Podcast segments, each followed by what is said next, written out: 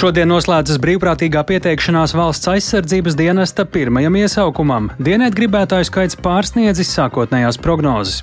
Visas prognozes ir piepildījušās ar uzviju, un tas ir ļoti, ļoti labs rādītājs. Radījumā pēcpusdienā jau tūdaļ par to plašāk.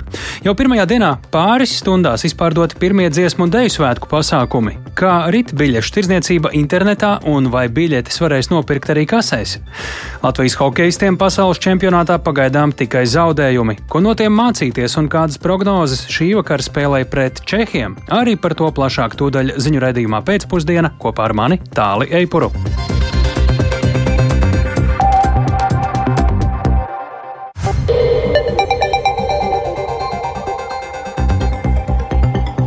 Ir 16,5 minūtes, skan pēcpusdienas ziņu programma, skaidrojot šodienas svarīgus notikumus. Studijā Tālis Eipurs. Labdien!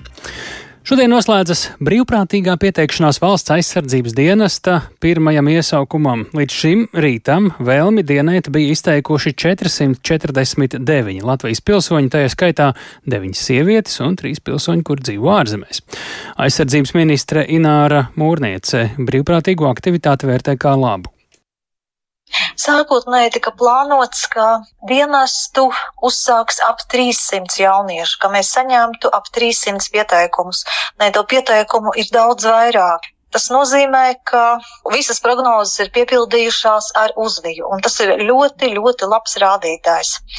Jā, varbūt, ka ne visi jaunieši izturēs veselības prasības, bet nu raudzīsimies, raudzīsimies visi jaunieši, kas ir pieteikušies, ar viņiem sazināsies rekrutēšanas un atlases centrs.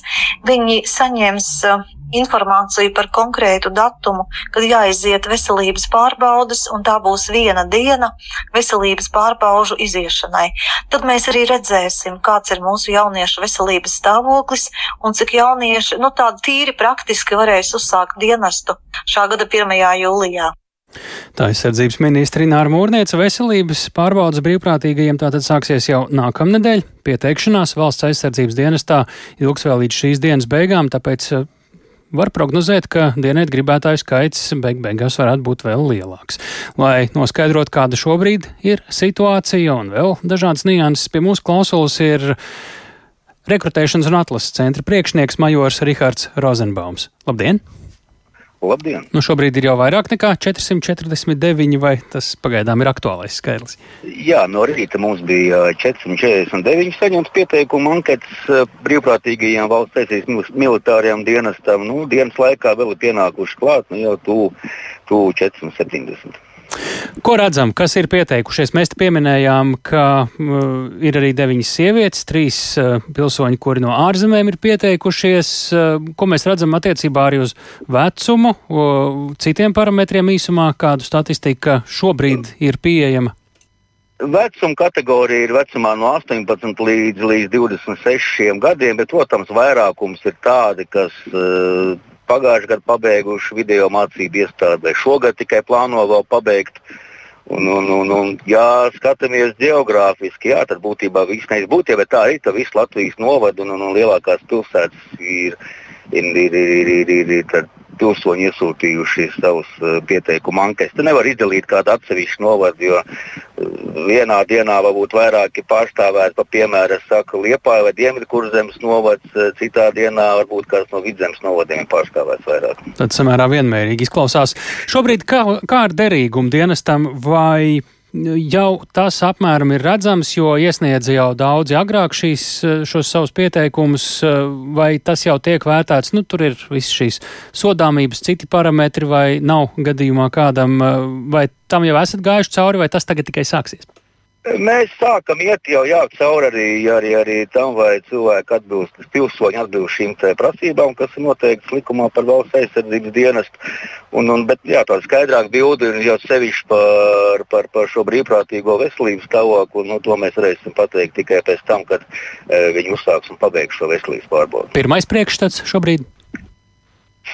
Ziniet, grūti spriest, jo nu, cilvēks arī tie, kas klātienē nāk, un arī no iepriekšējās pieredzes par tiem, kas piesakās profesionāla dienas, šķiet, ka viss var būt kārtībā, bet, ka, bet kaiti, kaits, kaits bieži vien slēpjas, slēpjas kaut kur uh, dziļāk iekšā, un vai viņam varbūt ir sirds problēmas vai kādas mhm. mugurkaula problēmas, vai vēl no tos. Citas neatbilstības tā, bez veselības vēl?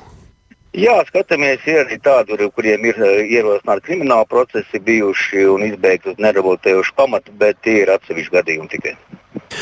Kādā secībā, kas un kad tad ar viņiem notiks tālāk līdz 1. jūlijam, kad būtu jāsākas uh, šim Jā. iesaukumam?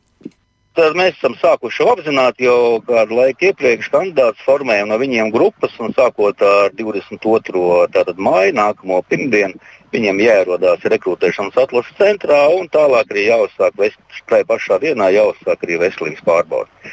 Ja ārstu speciālistu komisija atzīs viņu par derīgiem e, dienestam, tad, tad, tad, jā, nu, tad tālāk viņi saņems informāciju, respektīvi lēmumu komisijas lēmumu par to, ka viņi tiek uh, norīkoti uzsākt valsts aizsardzības dienestu un informēti, informēt jau tālāk administratīvās lietas, uh, kas ir mantu saraksts, kas jāņem līdzi, uh, varbūt tā, tādas nianses iesūtīt savus izmērus, lai attiecīgi mūsu personāls varētu piemeklēt viņiem formas tērps. Jā, nu, tie ir administratīvās lietas, kas sāksies.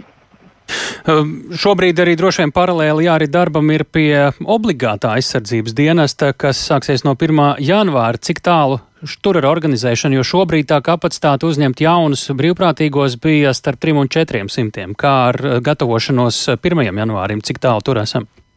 Nu, Būtībā viss ir procesā, un pagaidām šķēršļi nav. Nu, būs mums uh, pavēle par cilvēku skaits, kam būs jāuzsāk valsts aizsardzības dienas nākamā gada janvāra mēnesī.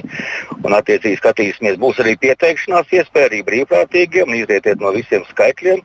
Protams, būs jāņem arī statistikas skaidri, ko mēs kaut kā redzēsim pēc šī, e, šī pirmā uh, iesaukuma cilvēka. Tad, attiecīgi, pastāv tiks veikti pasākumi arī, m, lai organizētu uh, darbu pie nu, obligātas iesaukšanas. Brīvprātīgi arī tajā obligātajā 1. janvāra e, iesaukumā, ja tā var teikt, e, varēs tāpat pieteikties, vai ne? E, pieteikties brīvprātīgi varēs uz visiem iesaukumiem. Šobrīd, kas tad vēl, vai vēl kāds, kurš klausās, piemēram, šobrīd var izlemt un pagot pieteikties, vai tam, tas process ir mazliet ilgāks, un tie, kur ir sākuši šodien, pabeigs, un tā arī paliks, apmēram? Nu, ja kādam vēl tā doma ir bijusi, un viņš kas sev pakaus, tad viņš var kasīt būtībā līdz 23, 59, jo pieteikšanās datums ir 15. maijs. Attiecīgi, tā, līdz šim laikam viņš var aizpildīt, paspēt vēl arī elektroniski pieteikumu anketu. Mums ir vienotā rekrutēšanas platforma www.kļūstikaravīrs.lv, kura pieteikties eh, visiem, kādā no visiem piedāvātajiem eh, dienestu veidiem, ko piedāvā bruņoties spēki, tā skaitā arī valsts aizsardzības dienestam. Tātad vienotā rekrutēšanas platforma www.kļūstikaravīrs.lv. Eh, tur var atrast gan mm, jā, šo dienestu veidu, kuru pilsonis izvēlās, un arī pieteikumu anketu jāizdod. Tas, acīm redzot, spriežot pēc eh, jūsu intonācijas, neaizņem pārāk daudz laika. Uh, Maksimums var būt 2-3 minūtes.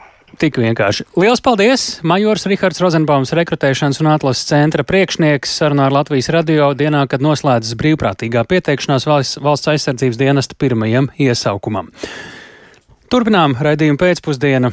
Ciešā saistībā ar šo iesaukumu, protams, vai šis iesaukums ir ar notikumiem Ukrainā, sakojam arī tiem līdz Ukrainas prezidents Volodimirs Zelenskis turpina vizīšu sēriju virknē Eiropas valstu tieši šajās dienās. Un šodien Lielbritānijā viņš ir ticies ar premjerministru Rišiju Sunaku, savukārt iepriekšējās dienās Ukrainas prezidents apmeklē Berlīni, Parīzi, Romu un Vatikānu. Galvenais saruna temats visur ir militārais un politiskais atbalsts. Ukrainai karā ar Krieviju. Mūsu Brīseles korespondents Artjoms Konohaus ir gatavs arī pastāstīt vairāk par Zelenska vizītēm un tikšanām. Labdien, Artjom! Sāksim ar šīs dienas vizīti Lielbritānijā. Cik būtiska tā ir un kāpēc tā ir būtiska? Labdien, tālu, labdien, klausītāji! Tā ir būtiska vizīte, jo šī visa vizīšu sērija notiek īsi pirms vairākām nozīmīgām starptautiskām sanāksmēm, un tamdēļ ir būtiski, lai Ukrainas prezidents varētu apspriesties ar ietekmīgu Eiropas valstu vadītājiem un saņemt no viņiem papildus solījumus par militāro atbalstu un arī, protams, šo atbalstu vēlāk nu, tas tiktu nogādāts un arī, protams, par politisko atbalstu. Tāpēc tas ir tāds ļoti nozīmīgs, eh, nozīmīga vizīšu sērija tieši gaidot eh, nākamnedēļ paredzētās eh, tikšanās vispirms jau Reikjavikā, kur notiks Eiropas padomes sanāksme. Tur būs valstu līderi dažādi, un tur, starp citu, arī Latvija pārņems Eiropas padomes rotējošo prezidentūru. Bet sagaidot Zelenski savā piepilsētas rezidencē, Lielbritānijas premjeras Rišijs Sunaks izteica viņam varētu, varētu teikt, tādus diezgan dāsnus eh, komplimentus un runāja arī par vietas nozīmi, kur viņi ir satikušies. Paklausīsimies! Perfect. Well, Vladimir, it's great to welcome you back to the UK, but especially here to Checkers. Jūs esat pirmais ārvalstu līderis, kuru man ir gods uzņemt šeit kā premjerministram. Šī vieta ir ļoti vēsturiska. Istabā, kur mēs tagad stāvam, Vinstons Čērčils ir uzrakstījis daudzas no savām slavenajām otrā pasaules kara uzrunām. Tieši tāpat šobrīd jūsu līderība, jūsu valsts drosme un sīkstums kalpo mums visiem par iedvesmas avotu. Es ar nepacietību gaidu mūsu sarunu par to, ko vēl mēs varam darīt, lai jūs atbalstītu. Tāpat tika paziņots arī par papildu militāro atbalstu, par simtiem dronu un arī par papildus raķetēm, kas būs no Lielbritānijas. Un, savukārt Zelenskis, atbildot uz Sunaka ievadvārdiem, ir arī izteicis lielu pateicību par līdz šim jau sniegto Lielbritānijas atbalstu. Paklausīsimies! Vispirms liels paldies! Jūs jau esat daudz mums palīdzējuši. Mēs, visi ukrāņi un arī mūsu karavīri no sirds dziļumiem, ir pateicīgi jums, jūsu valdībai un viņa karaliskajai augstībai, kā arī, protams, jūsu valsts iedzīvotājiem. Mēs esam pagodināti par iespēju būt šeit. Protams, ka mēs apspriedīsim ļoti svarīgus jautājumus - steidzamu palīdzību Ukrainai un drošību. Tas ir būtiski ne tikai Ukrainai, bet, manuprāt, arī visai Eiropai. Tātad eh, vēl jāpiebilst, ka faktiski līdzīga paziņojuma ir nāk par papildus militāro atbalstu, ir izskanējuši arī Parīzē un, un arī Berlīnē un citviet, kur Zelenskis līdz šim ir apmeklējis. Tālāk. Jā, Arķom, par ko tavuprāt liecina šī Ukrainas prezidenta tūre? Pretuzbrukumam būtu jāsākas it kā jau tuvāko nedēļu laikā, nu tā vismaz apkārt skan, un jaunu papildus bruņojumu nezinu, vai tik strauji varētu akumulēt no partneriem. Es domāju, ka šeit runa drīzāk ir par politisko atbalstu, un runa arī ir par to, kādi solījumi varētu tikt izteikti politiskā līmenī Ukrainai turpmāk. Mēs jau pieminējām gan Eiropas padomes sanāksmi, gan Lielā septītnieka sanāksme arī nav tuvojas, gan arī, protams, vasarā Viļņā notiks NATO samits, un šobrīd ir lielas diskusijas par to, ko tad piedāvāt Ukrainai, jo ir skaidrs, ka dalību NATO šobrīd piedāvāt Ukrainai nevar, un pret to ir pietiekami liela pretestība no vairākām NATO dalību valstīm.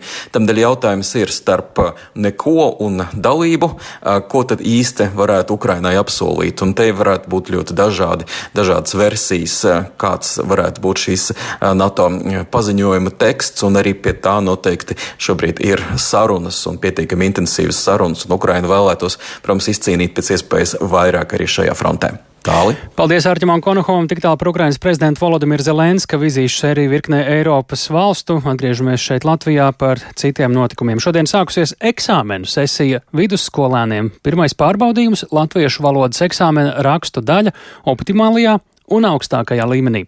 Eksāmenam optimālajā līmenī bija pieteikušies 14 tūkstoši skolēnu, savukārt augstākā līmeņa pārbaudījumu kārtoja gandrīz 3,5 tūkstoši skolēnu. Stāsta valsts izglītības satura centra direktora Liena Varaņenko.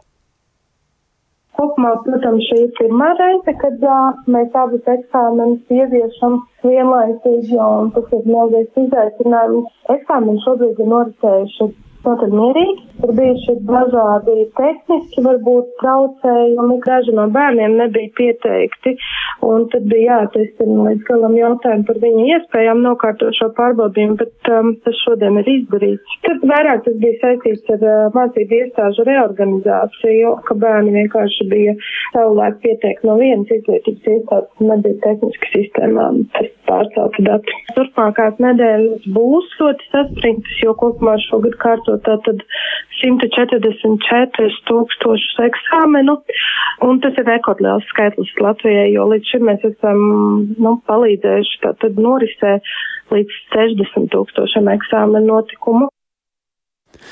Tā Liena Morņenko Valsts izglītības satura centra direktorē, tātad jau šo trešdienu vidusskolās arī plānoti augstākā līmeņa eksāmeni programmēšanā, bet piekdienu sociālajās zinātnēs. Visu eksāmenu rezultāti būs redzami tad, kad tiks izsniegti elektroniskie certifikāti. Vidusskolēniem tas notiks 11. jūlijā, bet pamatskolā audzēkņiem agrāk 21. jūnijā. Bet vai valdība piešķirs finansējumu, valdības piešķirtais finansējums pedagoģu streika prasību izpildē ir pietiekams? Par to šodien sprieda Latvijas izglītības un zinātnes darbinieku arotbiedrība ar Latvijas pašvaldību savienību. Izglītības ministra Anda Čakša no jaunās vienotības iepriekš ir uzsvērus, ka pēc valdības lēmumiem par papildu līdzekļu piešķiršanu pedagoģu algu praktiski palielināšanu lielā mērā ir tieši pašvaldību kā skolu dibinātāja rokās. Tikmēr pedagogiem pēc aprēķinu saņemšanas ir bāžas, ka janvārim piešķirtais finansējums pedagoģu slodžu balansēšanai pārlikts uz atalgojumu pieauguma grafika īstenošanu, un nav pārliecības, vai, piemēram, naudas pietiks interešu izglītības pedagoģu darba slodžu balansēšanai. Pie mūsu klausulas ir arotbiedrības vadītāja Inga Vanaga. Labdien! Sveicināti. Mēs tad runājam par papildus finansējumu diviem mērķiem. No septembra līdz decembrim ministrija ir aprēķinājusi algas likmes pieaugumam tuvu 10 miljoniem eiro un slodzes sabalansēšanai 21 miljonu eiro. Kas eh, par to bija jāsaprot šodien sarunā ar pašvaldību savienību un pie kādiem secinājumiem tad nonācāt? Mm. Uh, jā, tātad mums bija saruna ar uh, izglītības pārvalžu vadītājiem, arī Latvijas pašvaldības savienības pārstāvji piedalījās. Mēs uh, centāmies noskaidrot kopā, vai ar šo finansējumu varēs pilnā apmērā izpildīt streika vienošanos. Ja? Jo saņemtās atbildes no ministrijas, ko mēs lūdzām uz 10. māju, šodien šo parāda atkal tādu ainu, ka liela daļa finansējuma tiek novirzīta slodzes balansēšanai. Bet rodās jautājumi, tad vai nav apdraudēta darba samaksas paaugstināšanas grafika izpilde. Ja? Kaut vai kā piemēram jūs minējāt, uz visiem interešu izglītības Latvijas pedagogiem, visiem mēnesī slodzes balansēšanai paredzēta 311 eiro. Un mums ir šis jautājums, kā līdz tādiem aprēķiniem nonāk, vai tas tiešām ir pietiekams vienā mēnesī uz visiem slodzes balansēt, ja? vai otrs piemērs par vispārējās pamat un vidējās izglītības pedagogiem, kur ir vairāk kā 25 tūkstoši, mēnesī algas palielinājumam viņiem piešķir aptuveni 670 tūkstošus, kas vidēji parēķinot uz vienu pedagogu par stundu ir aptuveni 19 eiro centi, tā skaitā nodokļi. Un mēs rītdien tiekamies ar ministriju 2014. lai iegūtu precīzāku informāciju par aprēķiniem, arī pašvaldības nevarēja šodien apstiprināt, uh, jo viņu rīcībā nav dati tad precīzi, cik kurai pašvaldībai būs finansējums slodžu balansēšanai un cik būs finansējums algas grafika nu, īstenošanai. Un, ja viņu rīcībā nav šie dati precīzie, arī viņiem ir daudz grūtāk pārliecināties nu, par aprēķinu. Caurs, nu, nav tāda aprēķina caurskatāmība un tāda iespēja pārliecināties, ja, cik sakrīt vai nesakrīt uh, šie aprēķini. Un mēs ceram, ka rītdien mēs kaut ko vairāk uzzināsim, jo gala cipars, gala aprēķins uh, ja, par konkrēto pozīciju, par pedagogiem, diemžēl ne, neiedod datus, uh, kā, kāds, kāds būs naudas apmērs katrai pašvaldībai. Un trešdien ministrija ir aicināta uz Līdzu padomus ārkārtas sēdi, kur jau sniegs plašākam lokam šo skaidrojumu par aprēķiniem. Tad šobrīd, lai jūs kaut ko varētu prasīt no pašvaldībām, ir joprojām jāgaida aprēķini precīzāki un informācija no izglītības un zinātnes ministrijas. Tā rezumējam. Tieši tā mēs gribam iegūt precīzus datus, kā nonāca līdz šādiem aprēķiniem un cik katra pašvaldība saņems finansējumu, lai izpildītu streika vienošanos par darba slodzes balansēšanu, un cik katra pašvaldība saņems finansējumu par algas paaugstināšanas grafiku izpildi. Un šobrīd neviena no pusēm uh, mēs nevaram iegūt pārliecību, ja jo nav, nav skaidrs, kā ir nonākts līdz šiem aprēķiniem. Ir ja, kādi solījumi, kad būs skaidrība? Vērā? Un vai rīt uh, uz to varam sagaidīt, ir solīts? Uh, Tātad ministrija, mēs vērsāmies pie ministrijas pārstāvjiem, tad, kad saņēmām 10. maijā jau šos aprēķinus kopējos, un mēs lūdzām sniegt skaidrojumu. Ministrijas pārstāvji ir gatavi rītdien tikties pulksten 14. un viņi piekrita arī piedalīties līdz padomus ārkārtas sēdē trešdien. Hmm, tad uz to brīdi tā skaidrībai vajadzētu būt. Ja tādas nav, ko tālāk? Tad padome rīt ņemot vērā, kā, ko mēs uh, uzzināsim no ministrijas pārstāvjiem gan rītdien tikšanās laikā, gan arī trešdien, tad padome tālāk lems. Jo mūsu mērķis ir, protams, lai izpildu visu streika vienošanos, un lai rudenī mēs nenonākam situācijā, ka pašvaldības konstatē, ka nepietiek šis finansējums. Ja? Mēs nebūtu nesakām, ka tas būtu papildus no valsts budžeta. Iespējams, ja arī būs darba grupa jau beigusi strādāt par skolu tīklu optimizāciju ka tur kāda finansējuma daļa ir iespējams gūt. Tāpēc, eh, tāpēc tai skaidrībai jābūt savlaicīgi, lai arī pār, izglītības pārvaldes un iestāžu vadītāji zina laicīgi, nevis atkal oktobrī vai septembra vidū, labākā gadījumā, ar kādu finansējumu viņi var rēķināties, lai tātad plānotu slodzes šodienas pedagogiem un algas, un lai arī varētu risināt nu, nu jau jāsaka atkal samilzušās vakāņu problēmas un piesaistīt šos jaunos speciālistus. Jo viņiem nu, ir ir jāzina, jā, lai, laikus vasaras laikā. Jā. Kāda alga. Jā. Paldies par sarunu Inga Vānaga, Latvijas izglītības un zinātnes darbinieku arotbiedrības vadītāji. Bet Latvijā oficiāli šodien sāk spēļu sezonu 11 peldvietām piešķirts zilais karoks. Un kā sākusies ilgi gaidītā pirmā dziesmu un deju svētku biļešu tirzniecības diena, šie un citi temati redzīmā pēcpusdienu turpmākajās minūtēs.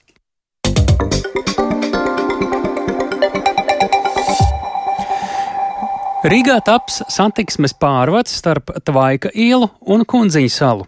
Pašvaldības atbildīgā komiteja šodien ir atbalstījusi projektu pārņemšanu no brīvostas, kas pārvadu sākusi būvēt pirms pusotra gada, taču pērn vasarā dažādu apstākļu dēļ būvniecību izbeigusi. Lai gan pašvaldība lēš, ka darbi varētu izmaksāt par aptuveni 10 miljoniem vairāk nekā sākotnēji prognozēts, darbus paredzēts pabeigt tuvāko pāris gadu laikā. Kā tas uzlabotu satiksmi Sarkandaugovām pilsētā kopumā cik kopumā arī tas izmaksātu vairāk Viktora Demidova ierakstām. Satiksmes pārvadu, kas Sarkandaugovā savienotu Tvaika ielu ar Kunziņu salu, par 40 miljoniem eiro Rīgas brīvostas pārvalde bija sākusi realizēt jau 2021. gada oktobrī. Taču pērnā gada vasarā, kad bija izbūvēta daļa no paredzētā, darbus izbeidza dažādu nobūvdarbu veicēji un brīvostas neatkarīgu apstākļu dēļ. Tagad projektā ir veiktas izmaiņas. Brīvosta un doma šo pārvadu apņemas īstenot kopā. Līdz šī gada beigām paredzēts izbūvēt Kunziņu Maziņsalas teritorijas daļu un savienojumus ar pārvadu līdz estakādēm. Savukārt līdz 2026. gada janvārim paredzēts uzbūvēt pašu tiltu. Kad sāks būvēt, pagaidām nav zināms, taču energoresursu izmaksu pieauguma dēļ tilts varētu izmaksāt par 10 miljoniem eiro vairāk, kopumā izmaksājot 50 miljonus eiro. Tā lēš satiksmes departamenta direktora pienākumu izpildītājs Jānis Vaivots, norādot, ka kombinācijā ar austrumu maģistrāli, ko pašu pašvaldība paredz pabeigt šogad, un jauno Daudras salas pārvadu Tilts uz Kunziņu salu būtiski atslogos pilsētas centru no kravas mašīnām, kas tagad brauc pa centru. Jaunais pārvads ir jāskatās kompleksi arī ar valsts ieņēmuma dienesta realizēto muitas punktu Kunziņu salā. Faktiski mēs novirzīsim arī kravas transporta satiksmi no Ulriekstas ielas un šī vecā muitas punkta. Tātad Kunziņu salā ir plānots būvēt jauno muitas punktu un attiecīgi savienosies ar moderno muitas punktu, kas ir būtiski. Tad attiecīgi arī ganība tam ir nedaudz atslogota atalgojot no kravas transporta. Rīgas valsts pilsētas pašvaldībai ir pieredze lielu objektu būvniecībā. Attiecīgi es neredzu nekādus bažas par to, ka mēs nevarētu realizēt minēto projektu. Pašvaldība ir spiest uz to raudzīties optimistiski. Uz plāniem skeptiski raugās domas opozicionārs Juris Radzevičs no gods kalpot Rīgai, norādot, ka jaunais pārvads neatrisinās satiksmes problēmas apkaimē. Ja mēs paskatāmies, kas notiek Kundiņu salā un Tvaika ielas rajonā, tad izbūvēt jauno pārvadu pār skolu no vienas puses ir tā, ka šobrīd Tvaika ielā ir pudeles kakls un nedomāju, ka šajā gadījumā šis eh, koncentrācija ar transportu ir uh, skaidra atrisinājuma. Vai tas būs līdz 28. gadam, spriežot pēc tie tempiem, kas ir bijuši līdz šim, tad es nebūtu tik optimistisks, ka līdz 20. Gada 1. janvārim būtu milzīgs progress un šis projekts tiktu īstenots. Turpretim Rīgas apkaimju alianses vadītājs Māris Jansons pašvaldības plānus atbalsta, paredzot, ka solītajā laikā doma projektu spēs īstenot. Brīvos konteineru termināls ir viens no lielākajiem smago automašīnu avotiem Rīgā. Tas, manuprāt, tiešām dod būtisku uzlabojumu. Nu, bet tā kā Rīgas osta tagad ir nonākusi sprukās Krievijas kravu samazinājuma dēļ, tad uh, viņi nevar pavilkt šo projektu, un tāpēc Rīga to dara. Un cepur nost, es domāju, nu, jo Rīgai tur arī ļoti būtiski iegūmi tieši pilsētvidas dēļ. Nu, ostas uzņēmēji arī būs ieguvēji, jo viņi mazāk stāvēs sastrēgumos, viņu piegādātāji un raitāk varēs nokļūt ostā. Par jaunā pārvada īstenošanu tuvākajā laikā vēl lems domas sēdē. Viktors Demidovs, Latvijas radio. Atklājot peldsezonu, zilā karoga certifikātu šogad Latvijā saņēmušas 11 peldvietas un viena jahtu osta. Kopā Latvijā gan ir 59 oficiālās peldvietas, un e, visās e, gan iekšzemē, gan jūrā ūdens kvalitāte atbilst prasībām. Tā secinājusi veselības inspekcija.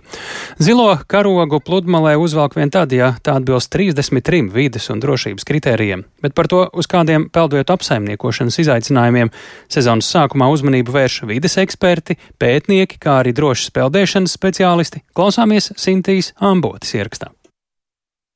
Zilais karoks šogad plīvos Rīgā vakarbuļu peldvietā un vecāķos, trīs peldvietās Liepājā, divās peldvietās Daugavpilī, kā arī Ventspils pilsētas pludmalē, Jēkabpils novada Radžu peldvietā, Limbažu novada Lielezerā un Salkrasta novada centra peldvietā.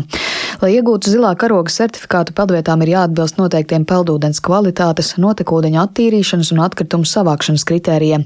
Vides izglītības fonda pārstāvis Jānis Ulmis secina, ka zilā karoga vietu skaits gadu ir neliels un līdzīgs jau vairāk nekā piecus gadus. Protams, ir kur tiekties, uh, un, protams, mēs neesam apmierināti ar to, jo mēs patiešām arī šodienas programmā redzam, ka Latvijā gan uh, kvalitātes, gan apsaimniekošanas, gan drošības jomā daudz kur darīt, un karoks ir noteikti viens no instrumentiem, kas būtu plašāk izmantojams. Ir kāds arī, kam bija iepriekš un kam nav? Jā, mēs pēdējos gadus jau sākam sastapties ar šo klimatu pārmaiņu ietekmi un ūdens kvalitātes pasliktināšanos ekstrēmo laika apstākļu jomā, un, un tādēļ šogad uh, karoks nav ne abrakciemam, ne kuldīgai. Tāpat būtisks faktors zilā karoga pacelšanai ir vidas pieejamība peldvietai, kā arī peldētāju drošības pasākumi. Sākoties peldēšanas sezonai, organizācijas Peldēt droši vadītāja Zana Gēmze atgādina, ka ik vasaru Latvijā noslīkušo skaits uz 100 tūkstošiem iedzīvotāju joprojām ir lielākais Eiropas Savienībā. Pirms pāris gadiem veiktā aptauja liecina, ka 73% iedzīvotāji neprot peldēt vai ūdenī nejūtas droši, un tikai 7% prot peldēt tā, lai spētu sev izglābt dzīvību. Gēmze arī secina, ka peldētāju drošība drošība Latvijā ar vienu nav prioritāte. Nu, mēs esam ļoti, ļoti, ļoti pētīgā situācijā, jo jāsaprot, ka nu, Latvijā tomēr ir vairāk kā 1,5 miljoni iedzīvotāji. 11 pludmales absolūti neko nerisina. Mēs atkārtot aicinām un nepārtraukt aicinām pašvaldības un arī sabiedrību iniciēt šo pludmales sakārtošanu. Protams, ka vislabākais ir to darīt tādā veidā, kā to paredz tiesiskais regulējums. Zlāta karoga pludmales, protams, ir pasaulē atpazīstams formāts. Ūdens gultne ir attīrīta no visādiem kokiem akmeņiem. Ūdens pats akvatorijas nav aizaudzis. Tiek monitorēta ūdens temperatūra, kvalitāte ir glābējs, kas nodrošina jā, šo drošību. Savukārt veselības inspekcijas pārbaudēs secināts, ka visās 59 oficiālajās iekšzemes un jūras peldvietās ūdens kvalitāte atbilst prasībām un mikrobioloģiskais piesārņojums nav konstatēts nevienā no tām. Veselības inspekcijas vidas veselības speciāliste Daina Sudraba Līvčāna secina, ka nedz oficiālo peldvietu, nedz zilā karoga vietu skaits Latvijā nepieaug, jo reģistrējot šādas vietas pašvaldībām jāuzņemas papildu pienākumus ūdens kvalitātes uzraudzībā un peldētāju drošības risku novēršanā. Jā, tam skaitam noteikti vajadzētu būt lielākam. Mēs ejam uz to, ka vajadzētu būt vismaz simts oficiālajām peldvietām.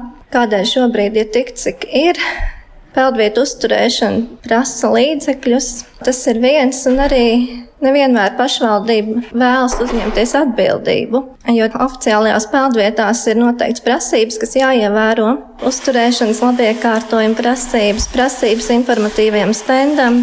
Veselības inspekcijas ilglaicīgais peldvietu novērtējums liecina, ka tikai vienā no oficiālajām peldvietām, Jelgavas pastsalā, ir zema ūdens kvalitāte. Sinti Amboti, Latvijas radio. Bet šodien sāksies ilgi gaidītā biļešu tirzniecība uz dziesmu un deju svētku maksas pasākumiem. No šodienas biļešu paradīzes mājaslapā pārdošanā nonāca biļetes uz 15 dažādiem svētku notikumiem. Jau pirmajā stundā iedzīvotāji nopirka gandrīz pusi no pieejamām biļetēm. Par to, kā rit dziesmu un deju svētku biļešu tirzniecība, plašāk Agnijas Lāsdiņas ierakstā.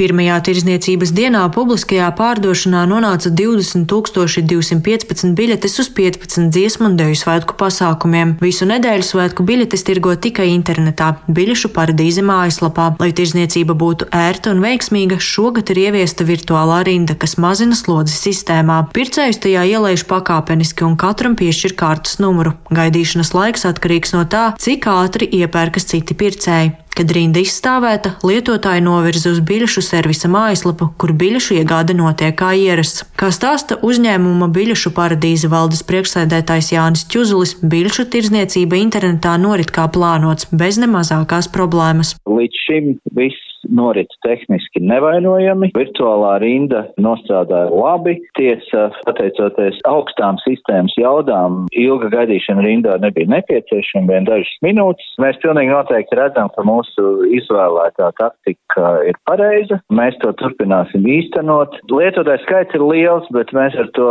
lieliski tiekam galā. Protams, mēs rēķināmies, ka nākamajās tirdzniecības dienās pieprasījums būs daudz, daudz augstāks.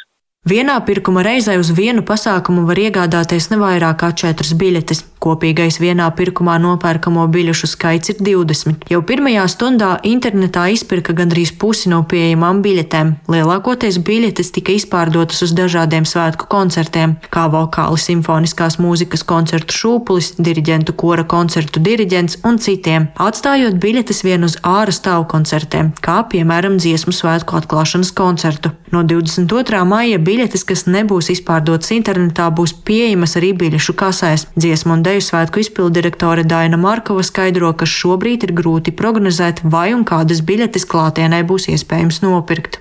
Es domāju, ka biļetes, kas ir um, arēnas Rīga atklāšanas koncerts un pūtēju orķestru lielkoncerts laiks iet pāri un zaļumbalvē varētu būt. Biļešu kasēs tirdzniecībā uz šiem pārējiem koncertiem, kuru norišu vietu kapacitāte nav tik liela, nu, protams, eh, nebūs, bet mums vēl ir priekšā divas biļešu tirdzniecības dienas un uh, skatīsimies, jo tad tirdzniecībā tiks laists daudz lielāks biļešu skaits. No 17. maija biļetes tirgos deju lielkoncertiem Balts, Arēnā Rīga un Lielu uzvedumu ievedumu mūžīgais dzinējs Daugavas stadionā. Savukārt no 19. māja uz koru lielkoncertiem tīrums un noslēguma koncertu kopā augšup, tostarp abu koncertu ģenerāla mēģinājumiem, kā arī sadziedāšanās nakti. Agnija Lazdiņa, Latvijas radio. Bet nu par citu masu notikumu, un arī tādu, kur daudz biļešu ir gan nopirkts, gan vēl nav nopirkts. Bez uzvarām spēlējošie Latvijas hokeisti pasaules čempionāta trešajā mačā pēc dažām stundām tiksies ar spēcīgo Čehiju, kuru pasaules čempionātos, kā vien no retajām, mūsējiem vēl nekad nav izdevies uzvarēt. Līdz šim Latvija zaudējusi Kanādai ar 0-6 un Slovākijai ir 1-2. Raugoties uz spēku samēriem, Latvijas apakšgrupā tieši pēdējā spēlē Piedzīvotais zaudējums Slovākijai var vēlāk izrādīties izšķirošs par cīņu uz vietu ceturdaļfinālā, ja vien neuzvaram kādus no spēcīgajiem pretiniekiem, tuvākie no tiem ir Čehi.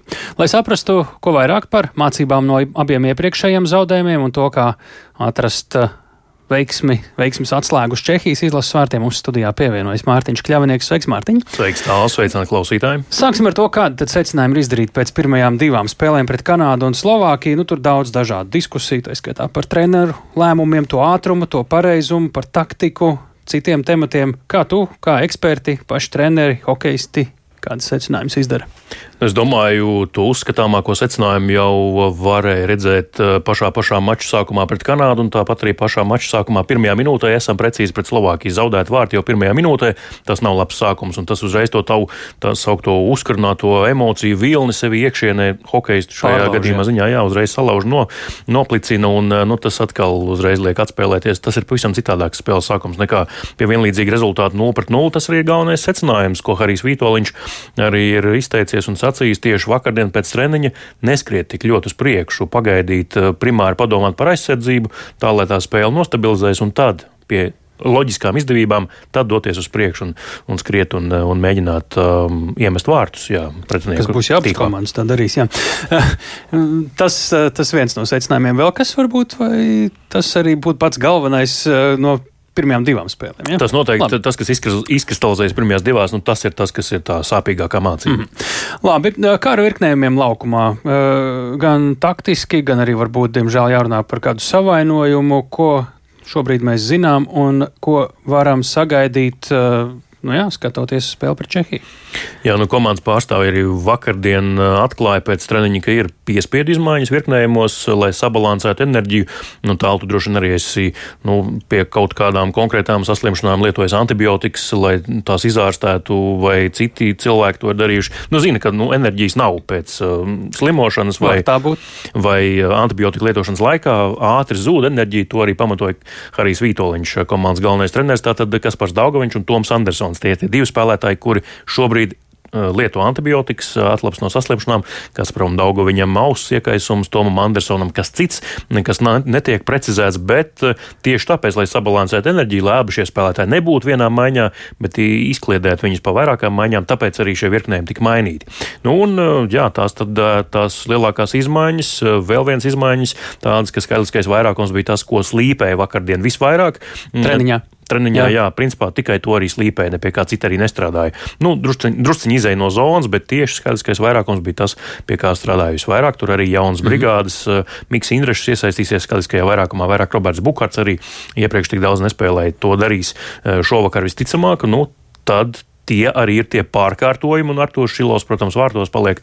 Tas ir tas, kas ir zināms. Bet, nu, ja mēs par Čehiem turpinām, tad nu, viens no lielākajiem Čehijas hokeja speciālistiem Latvijas izlasē ir aizsargs Ralfs Freibergs, kurš tad arī pastāstīja, Kā tad mainījies tas sākotnējais plāns pēc tam, kad zaudēts ne tikai kanādiešiem, bet arī slovākiem turnīra ievadā? Plāns A ir miskastē metams, tagad plāns B. Nu, jāuzdara visas atlikušās spēles. Slovāku uzvarēt un pārējās eh, to, ko jāuzdara, jāuzdara. Nu, tagad to neizdarījām un tagad plāns B ir viss, viss uzvarēt. Ļoti labs plāns, es domāju. Ja tas izdosies, tad, tad, eh, protams, ka ir labi, bet nu, Čehija, kā jau tu minēji, vienīgā izlase, vienīgā tik tiešām no šī brīža elites, elites divīzijas dalībniecēm, kur nekad nav izdevies uzvarēt, nu, tad eh, šodien iespējams ir tā diena. Un eh, Harijs Vitoļņš, galvenais treneris, arī ir gatavs šai spēlei un izstrādājis arī konkrētu taktiku. Paklausāmies vairāk Harija Vitoļņa plānu. Mums vēl viss ir priekšā, tas ir tikai sākums un ir pietiekami daudz spēles, lai mēs to visu pagrieztu tādā virzienā, kā mēs to gribam redzēt. Vienkārši jāstrādā, cītīgi jāstrādā, un Čehi uh, vienmēr jau kaut kas notiek pirmo reizi. Jā. Disciplīna un aizsardzības jāsāk. Jā. Mēs mazliet teiksim, pārāk daudz koncentrējāmies uz uzbrukumu, uz āsiem, pretuzbrukumiem, visu un aizmirsām mazliet piestrādāt pie aizsardzības. Bet aizsardzība ir prioritāte. Ja mēs aizsardzībā mums būs stabili, tad uh, cerēsim, ka iemetīsim.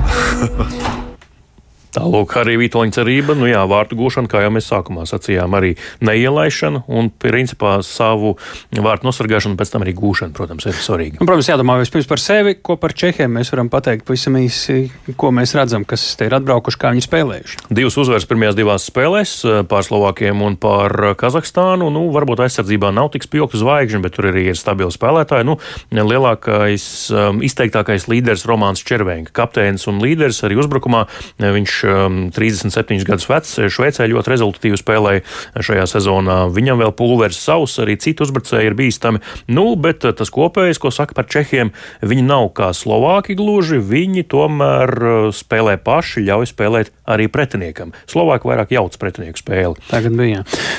Kas varētu būt mūsējos stiprās puses, ja mēs te tikai par kritiku, par pretiniekiem? Nu, es teiktu, ka mājas spēlēs tie varētu būt noteikti līdzjutēji, bet nu, jāsaka tā, skatoties datos, vai tiešām? Jā, jo tāda interesanta nianses, ka Rīgā ir ļoti daudz čehu fanu un arī ļoti daudz Slovākijas izlases līdzutēju. To mēs arī redzējām mačā pret Slovākiju, kur Slovāki bija ļoti daudz tribīnēs. Nu, un Slovāki, piemēram, iepriekšējās citās cīņās arī, piemēram, vakardien atbalstīja Čehus, spēlē pret Kazahstānu. Nu, tas bija tāds varants spēks šīs abas tautas apvienojot tribīnēs. Šodien, ja būs tāpat, tad latvieši varētu būt arī mazākumā. Un laukumā stiprās puses vismaz dažas varam nosaukt, eh, ja mēs iepriekš tam bišķi pakritizējām. Iemetieni. Tas ir eh, tas, ar ko sāks eh, hokeja spēle ar iemetienu. Tie pagaidām veids ar tiem labi, vismaz Rodrigo Abolam un citiem vadošajiem centru uzbrucējiem. Tā kā tā ir labā lieta. Nu, un, protams, arī tas, ka nu, vismaz spēlē pret Slovākiju daudz vārtu neielēdām savā vārtīklā. Nu jā, turam īkšķus par to vārdu, kurš būs vārtos. Artur Šilovs. Artur Šilovs. Paldies Mārķiem Kļaviniekam, paldies, ka klausījāties raidījumā raidījumu pēcpusdiena. Pirmdienā, 15. maijā, to veidoja Tāls Eipors, Ilza Aginta, arī Ulris Grīmbergs un Katrīna Bramberga. Ja vēlties šo raidījumu noklausīties vēlreiz vai ieteikt kādam citam, dalīties ar to, Veriet vaļā Latvijas radio mobilo lietotni, tur viss tas arī ir iespējams. Bet raidījums pēcpusdienā tiešraidē skan katru darba dienu pēc ziņām 4,5 minūtēs. Arī tiekamies!